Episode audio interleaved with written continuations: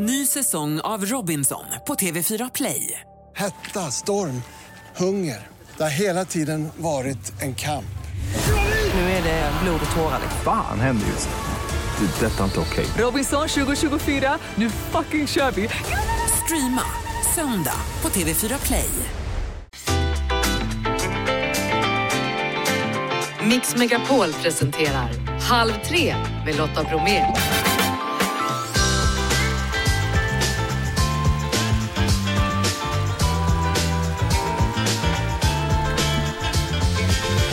Hallå där och varmt välkommen in i Halv tre-studion. Det är en ny vecka och i dagens måndagsmix Alexandra Rappaport berättar om nya säsongen av morden i Sandhamn. Nu kommer boken som kopplar ihop hiphop och gängkriminalitet. Vi presenterar dagens podd. Den är med mig. Ni får veta om det senaste avsnittet. Och sen så kollar jag in den här tatueraren som knackar in motivet med hjälp av trä. Vi hör också om Finlands NATO-ansökan. Imorgon så går de in i NATO. Idag fyller mobilen 50 år. Och alldeles strax så berättar Viktor Norén om sin kommande turné. Ja, ni märker. Allt innehåller detta program. Vilket innehåll? Nu kör vi! Jag heter Lotta Bromé och välkomnar nu Viktor Norén till Halv tre. Tack Lotta, kul att vara här. Hur är läget? Jättebra, jättebra. Solen är äntligen här. Du vet, jag har ju sjungit Let the sunshine in på Göta Lejon i ett halvår snart och äntligen, den här bönen är hörd. Ja, jag har lyssnat på samma låt och jag har gjort precis som Ja. du, liksom som ett slags mantra. Ja, en soldans. Ja, jag vågar knappt tro på det för nu kommer det väl snö imorgon då. Ja, men då jag sjunger den igen så kommer den tillbaka. ja, det är bra. Du, under vintern så har du varit del av Sveriges vardagsrum då som jurymedlem i Talang. Hur har Mm. det varit? Nej, det var så kul alltså. Så kul. Att få jobba som publik. Helt otroligt. Jag har ju stått på scenen sedan jag var 12 år. Så att, att få slå sig ner och njuta av det som faktiskt hände på scenen. Det var helt otroligt. Och sen så har du varit aktuell då, eller du är aktuell i hyllade publiksuccén apropå det där då, Let the sunshine Mm. in here på Göta Lejon. Ni kör till slutet av maj och sen fortsätter ni i september. Ja, precis. Vi, vi förlänger den. Vi, vi kommer försöka sjunga in vintern till jullovet, eller förlåt, solen till jullovet också. Mm. Och så har du varit med i Så mycket bättre, lite olika band. Du ska göra ett nytt musikprogram med din bror Gustav på tv nu i vår. Eh, annars har ni ju de två senaste åren då turnerat ihop för utsålda hus. Och så blir det en liten lucka i schemat för sommaren och då tänker man då ska du vara ledig. Nej, då ska du ut på en egen turné. Ja, men precis. Vad är det för fel på dig? Nej, men det, det, är- man kan tänka att det är något fel på mig, men det som är grejen med musik är att den föder musik. Man får energi av det. Så att du vill, så fort du spelar musik så vill du spela mera musik. Och det är därför det där aldrig tar slut. Och jag tror att det är på något sätt rotat ur glädjen i att spela, alltså så kallad spelglädje. Men- det här är nytt ändå, att du ska på soloturné under eget namn eller? Ja, ja, men det är faktiskt helt nytt och det är egentligen fött ur att Gustav, han jobbar ju som musiklärare, så att han var ju på väg in i väggen där ett tag. Det är ett hårt jobb, det är mycket hårdare jobb att vara musiklärare än att jobba som artist. Så att han kände i sommar, jag vill bara spela i Dalarna och ta det lugnt och det har jag full respekt för, men jag kände ändå att jag vill ut och spela, jag vill spela musik för människorna. Och då tar jag med mig hairbandet, stora delar av hairbandet och åker ut och bara sjunger låtar som jag älskar, som människor älskar. Önskelåtar ska vi spela. Vi tänkte bara så att publiken, ropa en låt, vi kör den.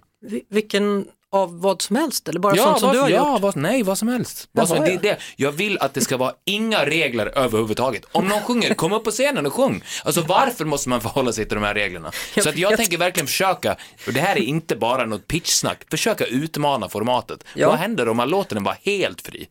Då du, då Vi får se, grejer. vi får se. Alltså, du har sagt att det är läskigt, naket, nervkittlande och alldeles underbart. Om, om vi tar ytterligheterna då, vad är läskigast och vad ser du mest fram emot?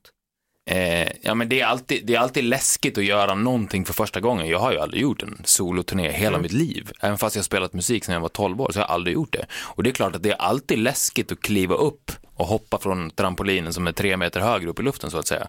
Men när väl hoppet kommer, då är det ju, tror jag och hoppas jag, väldigt skönt och befriande.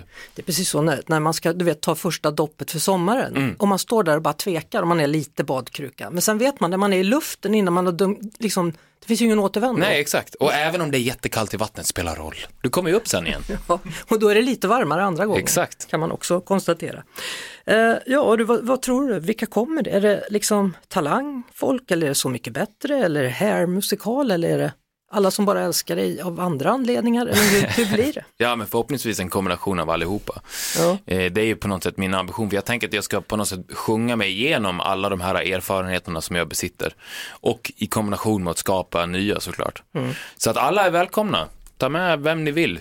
Jag hoppas att ni kommer få det bra. Ja, soloturnén släpper du biljetterna till idag alltså och du inleder då med en spelning i Söderköping den 7 juli. Sen är det 11 stopp till innan avslutet sker på Mosebacks- Mosebacke-terrassen i Stockholm den 28 augusti.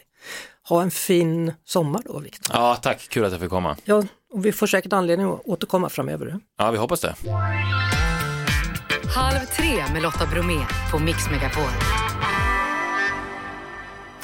Inte sällan så hör vi i medierapporteringen om hur rappare och musik förekommer i samband med gängkriminalitet. Journalisten Emil Arvidsson beskriver i den nya boken Svensk gangsterrap hur musik, kriminalitet och samhälle hänger ihop. Varmt välkommen till Halv tre. Tack så jättemycket, vad kul att vara här. Om vi börjar grundläggande, vad är egentligen Mm. gangsterrap? Ja, det är en bra fråga. Som, som jag definierar det i den här boken så, så är det ju den, den musikstil som inom den eh, svenska hiphopen som, som har liksom totalt dominerat och tagit den på, på topplistorna de senaste åren. Och eh, det är ju musik, liksom om man ska fatta det kort, så är det musik som eh, på olika sätt liksom eh, beskriver den ehm, den liksom moderna gängkriminalitet och, och livet i gängkriminalitet i, i, i Sverige idag skulle man kunna sammanfatta det som. Var har den fått influenser ifrån och hur länge har den funnits? Ja men eh, det, det, det har ju funnits eh, som, som genre så har den här musiken funnits kan man ju säga eh, ända sedan eh, 90-talets USA. Vi hade en, ehm, en ehm, en, eh, vad heter det, en, en, en ganska stor våg då som, eh, som kallas för gangsterrap med artister som Dr Dre, Snoop Dogg och så som ja, slutet på 80-talet, 90-talet slog igenom i USA och sen dess så har ju den här den här delen av hiphopen alltid varit en, en, en ja, helt enkelt en stor del av, av hiphopkulturen. Mm. När började du lyssna på den här typen av musik? Det var ungefär då. Jag är ganska gammal så att jag, jag, jag var ung då på, på 80-90-talet när, när den här musiken kom. Och jag, eh, jag, jag började lyssna på den då. De, de här liksom, tendenserna fanns ju inte riktigt i den svenska hiphopen från, eh, från början men har liksom importerats mer och mer över, över åren kan man säga. Mm. Men, men det händer, alltså, texterna handlar om vapen, det handlar om pengar, det handlar om våld. Ja men precis och, och något man ska komma ihåg är att det här har ju varit delvis en del av hiphopen ända sedan den föddes på 70-talet. Alltså att, att det, är, det, är musik som, det är musik som ska tala för liksom, eh, lokala gatugäng, som ska tala för, för eh, ja, inom citationstecken då, gatan på olika sätt. Alltså det, det, det, finns, det finns ju liksom inbyggt i hiphopkulturen oavsett om man pratar om gangsterrap eller ej. Sen så kan man ju se då i hiphopens historia hur, hur de, här, eh, den, de här temana har kommit fram mycket, mycket tydligare under vissa perioder. Och just nu i Sverige så är det ju som sagt den, den liksom dominerande formen av hiphop och också den, den dominerande formen av popmusik skulle jag säga. Eh, Men, men man kan ju konstatera att texterna är betydligt allvarliga nu för tiden än vad de var på den tiden när det hette eh, “Grabben trodde han var cool för han hade en pistol”. Ja, det, det, det kan man ju tycka i alla fall. Eh, och någonting annat intressant med det tycker jag är att, att vi i Sverige har ju spelat eh, den här typen av hårda, mörka hiphop eh, i många generationer skulle jag säga. Men vi har aldrig haft en debatt om den på det sätt som vi har nu förrän den handlade om våra områden, om våra kvarter. Vi har, vi har, vi har kunnat tänka oss att lyssna på de här texterna och temana när de, när de beskriver eh, ganska mörka händelser, brott och så vidare i USA eller England. Men det är först nu då när, när, man, börjar, när man börjar berätta om de här händelserna eh, i, i, i ett svenskt eh, perspektiv då som, eh, som vi så att säga reagerar på dem. Eh, grabben trodde han var cool för han hade en pistol, det är Latin King som jag citerade där. Ja. Eh, efter låten då, Dogge. Dogge, ja, precis, så ska vi prata mer om vilken roll den här musikgenren spelar i gängkonflikter och kriminalitet. Och i boken då, Emil, så har du flera parallella spår. Det är gangsterrappens historia som varvas då med politik och artisten Einars öde. Vad var det egentligen som hände Einar och hur passade det ihop med din bok? Ja, men precis. Det var så att jag hade börjat eh, fundera på den här boken för några år sedan när det var mycket debatt om den här musikgenren och då, då pratade man mycket om till exempel huruvida vissa artister skulle få pris av, av, av vissa galor och om det skulle spelas på vissa radiokanaler och så vidare. Och jag, jag tänkte då att eh, här, behövs, här behövs det kanske lite mer kunskap om just den här genren, om, om den här musiken som kultur helt enkelt. Och började skriva på en bok som då blev väldigt mycket mörkare när de här händelserna, de tragiska händelserna kring Nils Grönberg, alltså Einar, eh, skedde. Först, eh, han blev först kidnappad och sen mördad utanför sin port i Hammarby sjöstad i Stockholm. Och eh, det här förändrade ju också hela scenen. Det, det gjorde scenen ännu mörkare. Det, det, det skapade ännu mera kaos på, på hiphop-scenen och skulle jag vilja säga i hela, hela samhället. Och på något sätt kan man säga att den här scenen lever kvar i det mörkret som, som, som kom efter, efter mordet på Einar eh, även idag. Ja, så att du skrev liksom boken samtidigt som händelserna liksom passerade? Ja, det blev så. Det, det, var inte min tanke, men det hände så mycket och det, det händer så mycket fortfarande. Jag, jag skrev de sista, eh, sista sidorna liksom kvällen före tryck för någon månad sedan eh, och det här pågår fortfarande. Det är en våldsvåg i, i Stockholm just nu som är, som är pågående där vissa rappare figurerar på olika sätt. Och eh, just det här är ju, är ju någonting, den här, den här genren är ju liksom då den, den musik som på, på, på olika sätt berättar, kommenterar, vissa säger hetsa på den här, den här våldsutvecklingen och, och det har vi verkligen sett de senaste månaderna. Mm. Varför använder man sig av musiken? Jag tror att man använder sig av musiken för att det är, det är ett sätt att, eh, att nå ut. Det, det slår väldigt eh, långt och, och mycket och det är ju också musik idag som, som inte heller behöver traditionella mediekanaler som liksom radiokanaler eller tidningar för att nå ut utan den, det här händer ju på sociala medier i bubblor som är styrda av algoritmer. Där menar jag att vi journalister behöver, behöver ta oss in på ett bättre sätt. Det är inte bara krimjournalister utan även vi kulturjournalister. Men, men är det ett sätt också att försköna då och förhärliga gängverksamheten och gängkriminalitet? Ja, det, det menar ju många och det, det, tycker jag det är också i, i, vissa fall. Det man kanske missar där, det är också att den här musiken berättar också om eh, baksidan av det här livet. Man berättar om ångesten, man berättar om psykisk ohälsa på ett ganska öppet och transparent sätt. Ehm, så att det är ju, debatten har ju handlat ganska mycket om det där, om, om det är en romantisering eller om det är en, en, en, en berättelse, liksom ett, ett reportage. Och där, där kan man ju se kanske, kanske att vi journalister borde vara inne och göra våra reportage och låta rapparna vara de konstnärer som berättar om de här olika känslorna. Ehm, ett, en, en tes skulle kunna vara att den här, de här berättelserna blir så stora när de kommer från rapparnas munnar för att det, det, det är de som har så att säga, ett monopol på att berätta om det här. Mm. Hur ser det ut avslutningsvis framåt för genren då? Kommer du fortsätta bevaka scenen och kommer det fortsätta vara influenser i gängen och en samverkan mellan gäng och musik? Det tror jag absolut, men jag tror att det står, på, det står och väger just nu faktiskt. Om, om, eh, förut var, var hiphop en, en väg att komma in i samhället för många artister som kanske hade den här bakgrunden som många av de här stora rapparna har idag. Eh, idag är det mer tveksamt om, om det här är, är någonting som får en att skjutas ut från samhället eller komma in. Och jag tror att det, där måste vi liksom alla hjälpa till och, och, och beskriva, debattera eh, den, här, den här genren för att eh, helt enkelt få de här samhällsdelarna att komma närmare varandra. Men det ser onekligen ganska mörkt ut just nu. Tack så mycket Emil Arvidsson, journalist och författare till boken Svensk gangsterrap, ett reportage. Tack så mycket. Halv tre med Lotta Bromé på Mix Megapol. Och Alexandra Rappaport har tappat bort lypsylet så vi hoppas att hon överlever denna stund vi har framför oss. Varför Alexandra är ett lypsyl så viktigt? Nej men det kommer bli så dålig stämning här i studion. Ja. Jag är beroende. Ja. så enkelt är det. Andra är sådär beroende av nässpray ja, eller andra Ja det har jag också grejer. varit men Jaha. det har lyckats, eh, ja det var, det var jag väldigt länge. Du, hur mår du? Nej men jag mår ganska bra tycker ja. jag. Det är sol, man får ha gympadojor på sig för ja. att det inte är så mycket snö. Och dessutom är det så att sneakers är modernt nu i vårmodet så du kommer inte behöva gå i högklackat utomhus när det, det är jag dags. aldrig i alla fall. Eh, Nej. Så gammal har jag blivit att jag skiter i modet. Jag, jag måste få gå i mina sneakers eh, oavsett. Idag är det premiär på Simor för säsong 9 av Mordet på Sandhamn. Morden i Sandhamn? Ja, till och med Morden i Sandhamn. Alltså, hur kan man ha så många mord som händer där ute?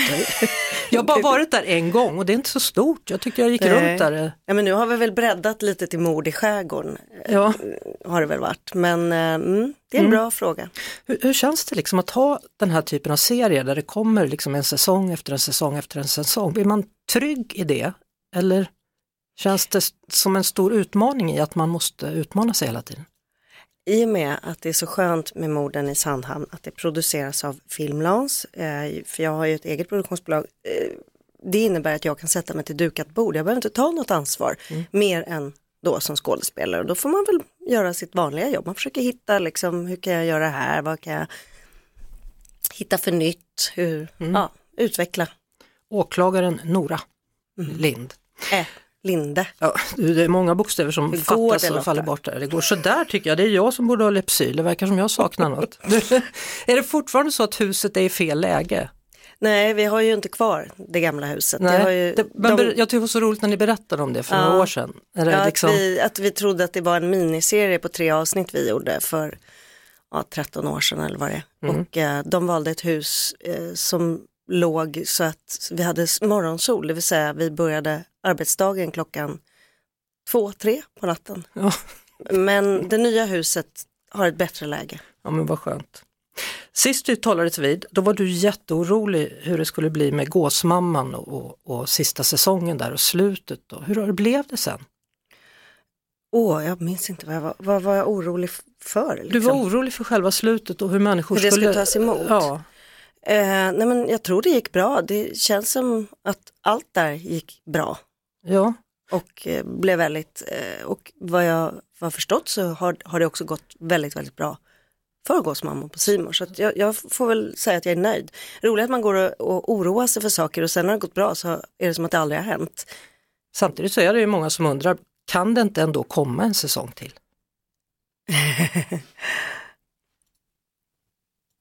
Tystnad råder. Tystnad råder. Nej men vad ska jag svara på det? Jag vet Ja, jag inte. vet det, inte. Det, de, jag, det finns ju människor som inte har sett slutet också så jag kan ju inte ens Ja, inte spoila hur det Nej. slutar. Men, men jag tänker så här, jag frågar lyssnarna, går det ens att fortsätta med det här slutet? Går det? Det kanske går. Jag vet inte. Ja, det är ju massor, du vet ju hur det var i Dallas och alla sånt där, det var ju folk som Men dog fan, och du kan väl inte jämföra Dallas med Gåsmamman? Okej, Dallas är ju... Ja.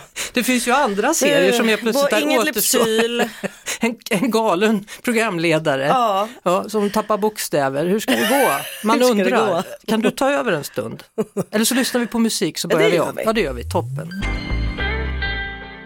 Hörru du, morden i Sandhamn. Mm. Mm, så heter den nya serien som man alltså kan titta på från och med ikväll. Och sen kommer den på TV4 så småningom då och också TV4 Play. Om man jämför att spela åklagare med att som i Gåsmamman då var en helt annan typ av person på andra sidan lagen. Vad, vilket är roligast och vilket är svårast? Alltså när jag gör Nora Linde i Sandhamn så tror jag inte att jag tänker att hon är åklagare. I och med att hon, vi har följt serien och följt Nora som privatperson så är det ju mera hennes lynne, vem hon är och hur hon förhåller sig till saker som jag går in i. Och hon är ju rolig för att hon är ganska hopplös. Och det är ju Sonja i Gåsmamman också, hon är också väldigt hopplös. Det är kul med hopplösa karaktärer som liksom inte riktigt lär sig av sina misstag. Mm. Hur, hur funkar du i verkliga livet då? Lär du dig av dina misstag? Ja men jag tror det. Jag är, är, är, så här, det gynnar ju inte en, en filmkaraktär att vara reflekterande.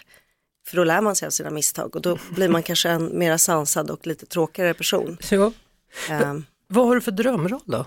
För nu har du gjort ganska mycket kan man säga. Jag har ingen drömroll utan jag har en dröm om mitt arbete och det är att jag får fortsätta och mm, göra nya människor. Gärna väldigt olika de jag gjort innan för det är ju så kul. Mm. Hur, hur gör du när, du när du börjar förbereda dig för en roll, för en karaktär? Ehm, nu har jag ju gjort ganska mycket, jag, samma vilket gör att jag vet ungefär Ja, hur jag ska gå in i dem. Men de nya roller jag har gjort, jag, jag fantiserar. Alltså jag försöker tänka, jag försöker hitta referenser i verkliga livet eller i mina egna upplevelser och är det, ibland är det ju sakfrågor man behöver sätta sig in i, hur det är att vara jurist som är heder eller ja, Mm. Eller politiker, som eller i politiker. kronprinsessan. Precis, då jag fick jag praoa hos Mona Sahlin. Gjorde du? Ja. Hur var den praotiden? Eh, Det var en ganska kort praotid men den var otroligt lärorik. Jag faktiskt var på samma tillställning som Mona igår. Jag sa det, jag kommer aldrig glömma det. Liksom. Framförallt insikten om hur hårt arbete det är att vara politiker. Vardagsarbete, att sitta och lyssna på människor, delegationer som kommer någonstans ifrån och, och pratar i två timmar om ja, någon skog eller någon mark, någonting som man själv kanske inte... Och sitta och, hon lyssnade och lyssnade och svarade otroligt initierat och varmt och jag tänkte bara, gud jag hade somnat. Ja. Hårt jobb. Så politik för dig i framtiden? Nej. Ja men det är ju också, alltså det är att, att det är ju en vardag. Man tänker att de åker i sina rådbilar och de eh, står där i rampljuset och tar viktiga beslut. Men det är otroligt hårt arbete som inte syns också utåt. I vanliga fall så, så brukar jag kunna fråga så här, vad har du på gång? Och så brukar den jag talar med säga, ah, det är inte riktigt klart än så jag kan inte säga någonting. Men i ditt fall så vet jag ju att två grejer är på gång. Veronica till exempel, en psykologisk thriller med övernaturliga inslag, det låter spännande. Mm. Om det nu är övernaturliga inslag eller om hon håller på att bli galen. Ja, och det är du som är Veronica. Precis. Ja. Ehm, det är en ny serie som jag inte vet riktigt när den har premiär. Men ehm, Den är färdiginspelad och klar. Den är färdiginspelad, vi spelade in den hela hösten och nu klipper vi och håller på. Den kommer gå på Viaplay. mm. hur, hur känns den då? Är den annorlunda för att Ja. vara svensk eller? Den är annorlunda mot allt jag har gjort tidigare. Det är fortfarande eh, inom cr- crime-genren, det vill säga det är en spänningsserie. Men den har en helt annan ton, ett helt annat foto, den har ett annat lynne än det jag har gjort innan. Eh, jag tycker att den är helt häftig. Ja, vad kul. Och sen den andra då, den heter Det är något som inte stämmer och bygger på en bok av Martina Haag. Mm, det är ju en lång film som också kommer gå via, på Viaplay. Den Ja. kommer att ha ett kort biofönster. Den kommer till hösten. Den håller vi också på med efterbearbetning, klippning och ljudläggning, allt, allt sånt. Ja. Och då kommer sista frågan då, vad har du på gång nu? Ja, då kommer ju det där svaret. Kommer det nu igen? Väljer du mellan några olika saker eller är det just en grej som Nej, är på gång? jag, jag börjar inte, jag har mitt produktionsbolag, Mm. Bigster, så vi, nu håller vi på med efterbearbetning. Så att den här våren så filmar jag ingenting, jag står inte Nej. på scenen. Ehm, men i augusti börjar jag eh, filma igen. Okej. Mm. Och det är då det där svaret kommer nu då? Ja, för att jag eh, nej, försedd med munkavle. Du kan inte säga någonting än? Nej. Nej. Men det blir nog bra antar jag. Men ni får veta. Alexandra Rappaport sitter med mig i studion och har just lagt ut något på sin mobiltelefon och den första mobiltelefonen användes ju just idag för 50 år sedan. Jag tänkte jag ska ställa samma frågor till dig som jag har gjort till våra lyssnare. Mm. Eh, vad använder du mobilen till? Du ska få några alternativ. Ta bilder, ringa, smsa, sociala medier eller annat. Men vad då ska jag välja? Nej, du, kan, du använder till allting men jag tänker vad du använder du den främst till? Fram, främst till mitt jobb. Jag tittar på alla klippversioner, alla ljudversioner av alla mina serier, alla mejl, eh, alla konversationer, allt. Google Meet-samtal. Jag äger ju då ingen dator. Sociala medier är 61 procent som använder sin mobil till medan de ringer och smsar 18 procent. Ja. Hur många mobilnummer kan du utan till? Jag kan mitt och så kan jag min mans. Då tillhör du de 52 procenten som kan mellan 0 till 3 stycken. det finns 4 procent av våra lyssnare som kan fler än 10 nummer. Det är Ja. imponerande. Förstår jag, då måste man ha ett bra sifferminne. Ja. Vad har du för skärmtid? Åh, alltså timmar, timmar, jag vet inte men, men i och med att jag som jag då sa använder den Mm. till allt så har jag ju näsan i mobilen hela tiden. Och eh, vi kan säga så här då, 5 till 12 timmar i veckan är det 41 procent som har. Och som du sa då, det är väl Ja, 24 mycket mer. plus va? Ja, mycket 22 mer. procent. Det, Ja, skulle jag säga. det var ändå, Men jag har ju ingen så. annan skärmtid. nej eftersom du inte har någon dator. Precis. Så din telefon är typ datorn. Minns du ditt första mobilsamtal och vem var det till? Nej. Nej. Jag minns att jag gick ner för Kungsgatan och pratade i min jättestora mobil eftersom jag är ganska gammal och kände mig otroligt viktig. Jaha. Men jag kommer inte ihåg vem jag pratade med. Jag kommer ihåg att jag pratade och kände att här går jag och pratar i min mobil. För det var inte alla som hade då. Nej det var det inte. Mm. Mm. Du, stort tack för att du kom förbi. Tack. Alexandra Rappaport, jag hoppas att du hittar Lypsylet då. Ja, men jag får väl köpa ett nytt. Det kan man också göra. Ja. Hej! Halv tre med Lotta Bromé på Mix Megapol. Jag sitter och kollar på era svar här, ni som har svarat på Mix Megapols Instagram stories. Det handlar ju om mobiltelefoner idag då. Halv tres lyssnare har berättat vilka som var deras första mobiltelefon. Ja, det var en Motorola med antenn man drog upp, skriver Sandra. Eh, Nokia, Nokia Flip-telefon skriver Mandus. Och här har vi Ericsson med en antenn och man drog upp också med en lucka då, meddelar också Alexandra och sen så är det massa Nokia och lite annat sånt där och Bosch och hej och hopp och ja, någon som hade önskat sig en Nokia 3210 men fick en 3310. Och så är det någon som också fick en Ericsson Bang Olufsen. Jag visste inte ens att Bang Olufsen var med och gjorde mobiler, men det gör de tydligen. då. Eh, sen annars så kan man då konstatera det där med skärmtid. De flesta har bara 5 till 12 timmar i veckan som vi nämnde tidigare. Det är inte så att folk kan mobilnummer utan till utan 52% kan bara mellan 0 till 3 stycken. Eh, vem var den sista du smsade till då? Ja, H.A. Nsson skriver mamma. Stall 5 skriver en kund. Mamma skriver också Grismia 598 och Julia Fransson likaså. Och Lasse Jonsson official skriver sonen och Malin Hedbom hon meddelar att det är en arbetskollega som är hemma sjuk som hon har skrivit krya på dig till såklart. Då. Hörrni, det är ändå intressant, jag måste ju säga det, sociala medier, 61% använder människor sin telefon till på det. Och just det här med att ringa då som en telefon kanske är till för 18 procent. Jojo. Halv tre med Lotta Bromé på Mix Megapol. Idag så blev det klart att Finland nu kommer att gå in i EU. Imorgon kommer de, inte i EU men i NATO. Det blir klart imorgon då de blir officiellt medlemmar under morgondagen. Och med oss nu Gunilla Herold som är fil.doktor i statsvetenskap vid Stockholms universitet och associerad forskare vid Utrikespolitiska institutet. Välkommen till All tre. Tack så mycket. Ja, nu står det alltså klart att Finland blir medlemmar i NATO. Var det väntat? Ja, det var mycket väntat. Det har kommit sådana signaler från Turkiet och eh, dessförinnan från eh, Ungern också. Så då blev det inte så att vi tog armkrok med Finland och gick in samtidigt? Nej, och eh, jag tycker inte vi kan klandra Finland för det. Det var ju inte det de ville heller. Men det hände ju saker som ingen av oss kunde förutsäga när vi gemensamt bestämde oss för att vi skulle ansöka om NATO-medlemskap samma dag. Vi hade ju trott att eh, det skulle bli en lättare procedur med tanke på alla positiva röster vi hade hört innan, men så mm. blev det inte. Så vad betyder det här för Sverige just nu? Det beror på hur lång tid det tar innan vi kommer in. Jag skulle säga att om det tar en eller ett par månader då spelar det ingen större roll. Kanske ryssarna vill reta oss lite grann och visa att eh, vi inte är lika trygga som Finland nu är med ja, cyberattacker eller något liknande. De gjorde ju någonting sånt här om veckan med de här larmen som äldre människor har på handlederna. Det anses ju komma från Ryssland. Men mycket mer än så kommer de inte att göra. Kanske att de med någon båt åker innanför territorialgränsen, men det där är sånt som de har gjort förut.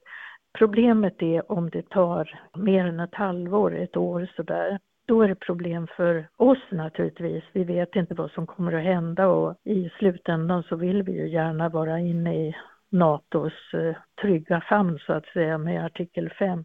Men för NATO är det väldigt besvärligt också för de försöker göra upp planer nu för hur hela det nordiska området ska försvaras. Och eh, då är det svårt utan det svenska territoriet. Finland är ju mindre säkert utan Sverige och även de baltiska länderna för all hjälp måste ju komma via oss, via svenskt territorium. Ja, du befinner dig just nu i Riga, Lettland. Då. Vad gör du där? Jag deltar i en konferens där vi kommer att diskutera hur ska vi kunna skapa ett säkert Europa på sikt? Och det är ju en fråga som väldigt många sliter med nu. Vi hoppas ju att Ukraina med vår hjälp ska kunna besegra Ryssland, men hur hanterar vi sen den nya situationen? Det är en eh, riktigt, riktigt svår fråga. Och en annan fråga som också kommer upp på den här konferensen, det är att alla avtal om vapenbegränsning håller på att gå ut. De flesta har redan gått ut men vi har fortfarande ett strategiskt avtal, New Start, som är i kraft några år till. Sen är det slut med alla avtal och det anser de flesta vara en stor eh, fara faktiskt. Jag vet att jag för några år sedan faktiskt, innan det här kriget i Ukraina och allting hade sin början, så var jag på Lettlands ambassad i Stockholm och fick ambassadören då till bordet. Och hon ja. uttryckte redan då en oro för att Ryssland eventuellt skulle kunna försöka vidga sitt rike. Det är väldigt intressant för att det är just de baltiska länderna som har varnat för det. Och jag vet att de fick en ursäkt från, jag tror det var EU för en kort tid sedan, där man sa att ni såg detta komma, men det gjorde inte vi. Så att eh, så var det faktiskt. Så Sveriges chanser då, är det troligt att vi blir medlemmar i år? Ja, alltså jag hoppas det, att vi blir det. Jag tror att det finns en stor risk att vi inte blir medlemmar till Vilniusmötet i juli som vi hade hoppats. Men eh, någon gång framåt hösten hoppas jag. Jag tror att nu när Finland har kommit in så kommer länder som USA, de stora länderna i Europa, att pressa turkarna väldigt hårt. För det är ju turkarna som är problemet, knappast eh, ungrarna. Tack så mycket Gunilla Herolf, fil.doktor i statsvetenskap vid Stockholms universitet och associerad forskare då vid Utrikespolitiska institutet. Hoppas det blir givande samtal i RIA. Tack ska du ha, det hoppas jag också. Hörrni, på onsdag så släpper jag ett nytt avsnitt av min podd Vem snackar med Lotta? Och då är det dags att dela med mig av ett samtal som jag hade med proffsdansaren Tobias Karlsson. Han delar med sig av hur det är att leva med hiv, hur tufft det var att komma ut och tiden i skolan där han var mobbad. Det är ett nära samtal där jag får träffa en ny sida av en person som jag trodde att jag hade ganska så bra koll på. Så på onsdag alltså, nya avsnittet med Tobias Karlsson. Men det finns ju faktiskt redan tre avsnitt som är ute och som går att lyssna på nu på podplay.se eller i podplay-appen.